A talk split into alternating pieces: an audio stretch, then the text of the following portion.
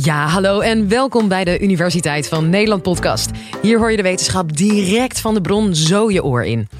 Ik ben Sofie Frankemolen met vandaag de vraag: waarom leven mensen eigenlijk nog jaren door nadat ze kinderen hebben gekregen en te oud zijn om nieuwe te krijgen? Wat heb je daar biologisch en evolutionair aan als mensheid? Fysioloog Jan Hindrik Ravensloot vertelt je in deze aflevering waarom zo'n beetje alle 40-plussers eigenlijk het loodje al hadden moeten leggen. En natuurlijk ook waarom dat niet het geval is. Dit is de Universiteit van Nederland. Van de wieg tot het graf is opgaan, blinken en verzinken. En over dat verzinken is natuurlijk, daarmee wordt natuurlijk bedoeld, de veroudering. En over die veroudering is wel een aantal interessante zaken op te merken. En dan laat ik beginnen bij het allereerste begin. Onze heelal is 14 miljard jaar oud. En de aarde is daar ongeveer 4,5 miljard jaar geleden in ontstaan. We hebben een evolutie van 3,8 miljard jaar achter de rug. 3,8 miljard jaar op deze planeet. En die planeet bood ons alleen maar gevaar. Aardbevingen, stenen, vallen, microbiologische gevaren, bacteriën, parasieten, schimmels, uh, macrobiologische gevaren, sabeltandtijgers, leeuwen, honden, wolven, soortgenoten, soortgenoten mensen die mij naar, naar het leven stonden. En chemische gevaren. Wij weten van nature niet wat goed is om te eten. Dus wij zijn uitgerust met een reflex om ons daarbij te helpen, de braakreflex. Dus nu is het een reflex die nauwelijks meer, tenzij je een avondje gedronken hebt, nauwelijks meer wat doet. Maar je moet je voorstellen dat gedurende die miljarden jaren evolutie, die paddenstoel rood met witte stippen, die zag er wel lekker uit. En als we die opaten, alle dingen, alle dingen kun je eten, alles is eetbaar. Sommige dingen maar één keer, maar alles is, alles is eetbaar. En we hebben die prijs, wat er nou wel niet eetbaar is, hebben we betaald. Die chemische gevaren, die hebben we betaald met mensenlevens. En we hebben, zijn zo verstandig geweest om die kennis op te slaan in boeken en, en geschriften en, wat niet. Nu het internet. Ons lichaam moest in staande houden. Het lichaam wat u hier ziet en wat ik verbeeld in mijn 51-jarige is een lichaam. Maar zijn de zonen en dochters van de mensen die die miljarden jaren hier rondgelopen hebben, die die gevaren konden bevechten. En daarbij hadden we nog één andere taak. Dat was ons voor te planten. Ons lijf is gebouwd om enerzijds zo snel mogelijk geslachtsrijp te worden. En anderzijds om in die periode voldoende energie te hebben om die gevaren op een afstand te houden. Dus die biologische gevaren, die chemische gevaren, die fysische gevaren. Uh, en um, dat lijf is gebouwd om voor te planten en dan nog een jaar of 15, 20 goed te blijven. Om die kinderen, die immers hulpeloos zijn bij de geboorte, groot te brengen. En daarna is het over. Wij hebben evolutionair hebben wel e- alleen maar recht op voortplanting.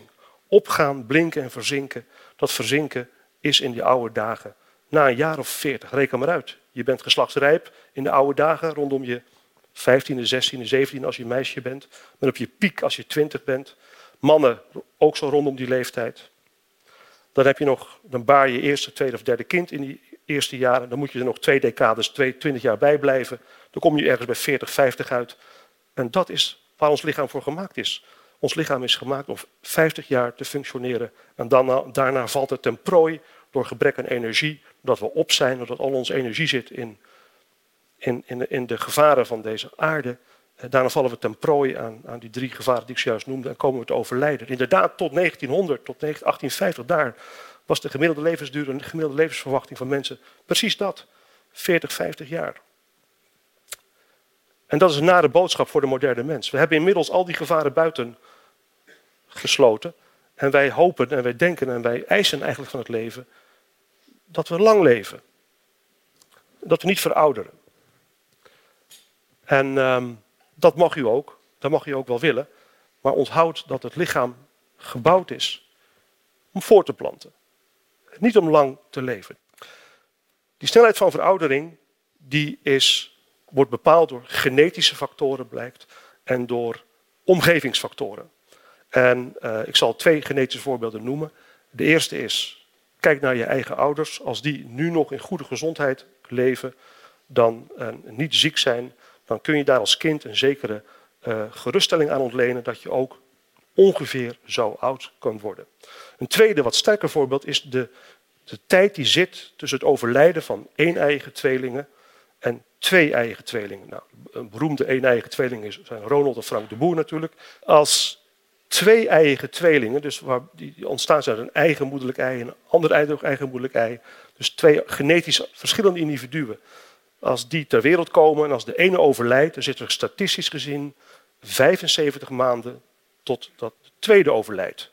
Maar als je nou één ei bent dat in tweeën valt, waardoor je twee genetisch identieke individuen krijgt, en die komen ter wereld, die leven, de ene komt te overlijden, dan zal de andere binnen 32 maanden, de helft daarvan, overlijden. Een belangrijke aanwijzing dat genetische factoren rol spelen bij die verouderingsprocessen. En natuurlijk kennen we allemaal al die progeria-patiëntjes uh, uh, die één mutatie hebben in één eiwit, waardoor ze razendsnel uh, verouderen. En er is nog wel een aantal van die voorbeelden te geven. En natuurlijk een sprekend voorbeeld is de vrouwen, die langer levende mannen. Genetisch zijn ze anders. Ze hebben oestrogeen, ze hebben iets anders, waardoor ze niet alleen leuker zijn vanuit mijn perspectief, maar ook gewoon ook langer leven. Als veroudering je niet snel genoeg kan gaan, dan is er wel een aantal levensstijladviezen te geven waardoor je, die waardoor je die veroudering lekker kunt versnellen. En we kennen ze allemaal. Ga dan lekker roken, ga dan veel drinken, zorg dat je heel veel vet binnenkrijgt en zorg dat je zo min mogelijk beweegt. Um, en als je het helemaal gek wil maken, doe dan ook nog van alle soorten drugs bij. Uh, dan verouder je echt pijlsnel. Wat veroudert er nou aan het menselijk lichaam? Uh, nou, als je naar mannen en vrouwen kijkt, wordt eigenlijk alles. Bij, mannen wordt eigenlijk alles kleiner, schrompelen in elkaar, de hartslag wordt lager, de spierkracht wordt minder, uh, we horen, zien en ruiken minder, uh, de zenuwgeleidingssnelheid gaat achteruit, de, we maken minder urine, minder snel urine, we kunnen minder snel tegen, tegen hitte en koude, dus waarom of we kunnen minder goed tegen uitdroging of we drogen juist uit. Dat is waarom een hittegolf vrijwel altijd een verhoogde sterfte geeft onder oudere mensen, omdat ze dat niet meer goed kunnen reguleren. U, eh, u en ik gaan naar de kraan, maar oudere mensen hebben daar moeite mee, omdat ze dat gewoon minder voelen en daar zullen ook sneller komen te overlijden. Het enige wat constant blijft, is de persoonlijkheid. En daar zit een levensles in. Als je nu een partner hebt met een irritante trek, waarvan je denkt van, gat.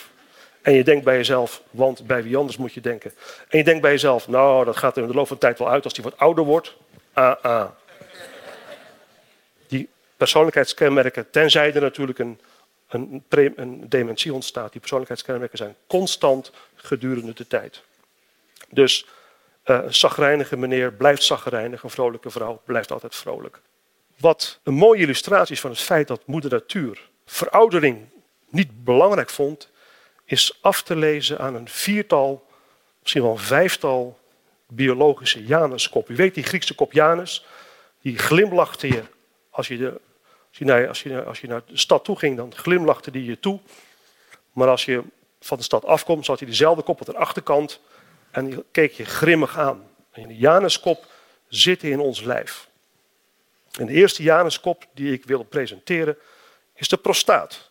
Een fantastisch orgaan, want die maakt dat blubberige witte spul waarin die zaadcellen keurig netjes een afstand van een centimeter of twintig kunnen overbruggen, uh, zelfs vliegend uh, kunnen overbruggen. Um, en dus een uitstekend orgaan om de voortplanting te dienen. En moeder natuur vond het ook fantastisch om dat te monteren in mannen. Maar ditzelfde orgaan zal ook de levensduur bekorten, omdat het het orgaan is waarbij mannen het vaakst, het meest frequent kanker in voorkomt. En heel veel mannen gaan dood met prostaatkanker. Een aantal mannen gaat, gaat dood van prostaatkanker.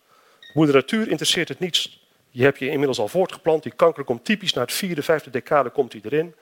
Bij mannen nog wat later hoor. Maar uh, moeder natuur, meedogenloos. Haalt haar schouders op. Je hebt je voortgeplant, daar heb ik ervoor gemaakt.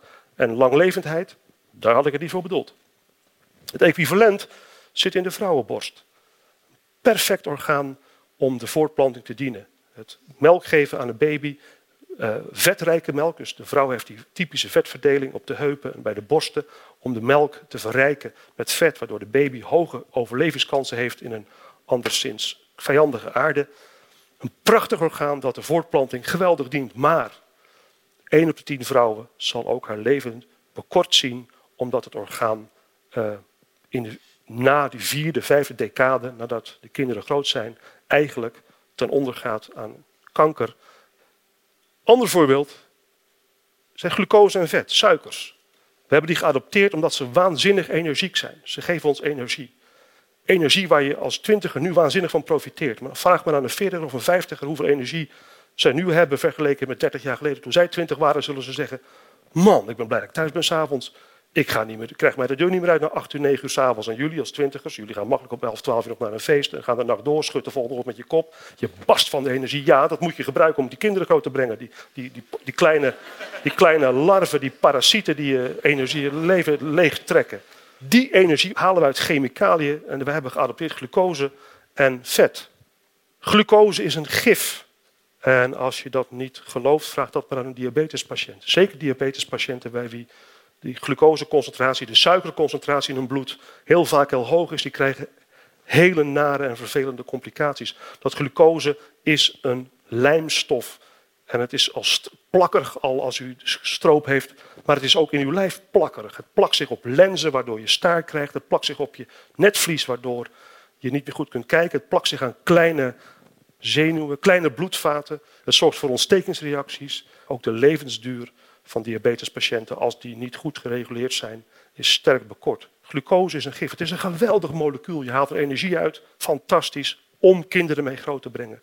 Maar als je te lang te hoog is, dan zal, zal het ons levensduur bekorten. Veertigers zijn gelukkig nu niet meer dood. Maar hadden we 150 of 200 jaar terug geleefd, dan waren we ten prooi gevallen door gebrek aan energie, door microbiologische en macrobiologische predatoren. We hadden geen energie meer over om ons nog te verdedigen tegen de aarde die de aarde geeft. Veroudering is een proces dat zich op maar liefst vier of vijf lagen van je lijf afspeelt. Je DNA veroudert. Dus ik geef fout in het DNA over aan mijn zoon, omdat ik bestraald word door de omgeving. Er komen fouten in en op generatie per generatie zal het DNA slechter worden. Op moleculair gebied zullen er radicalen altijd zijn, gemene stoffen gemaakt van zuurstof die andere eiwitten in de cel kapot maken. Op, op cellulair gebied, op de celgebied, zullen altijd chromosomen korter worden bij iedere celdeling. Ehm, en op systemisch gebied zal mijn immuunsysteem op een bepaald moment er de brui aan geven. En zal mijn stress, vermogen om stress te hanteren zal minder, minder worden. Kortom, uh, het mooie nieuws is, het leven op aarde is fantastisch. Ik zou het niet willen missen. Vond je dit een leuke en leerzame aflevering? Fijn! En dat komt goed uit, want onze playlist staat bomvol met andere interessante wetenschapsvragen. En er komen er elke week twee bij. Mijn naam is Sophie Frankmolen. Heel graag tot de volgende podcast.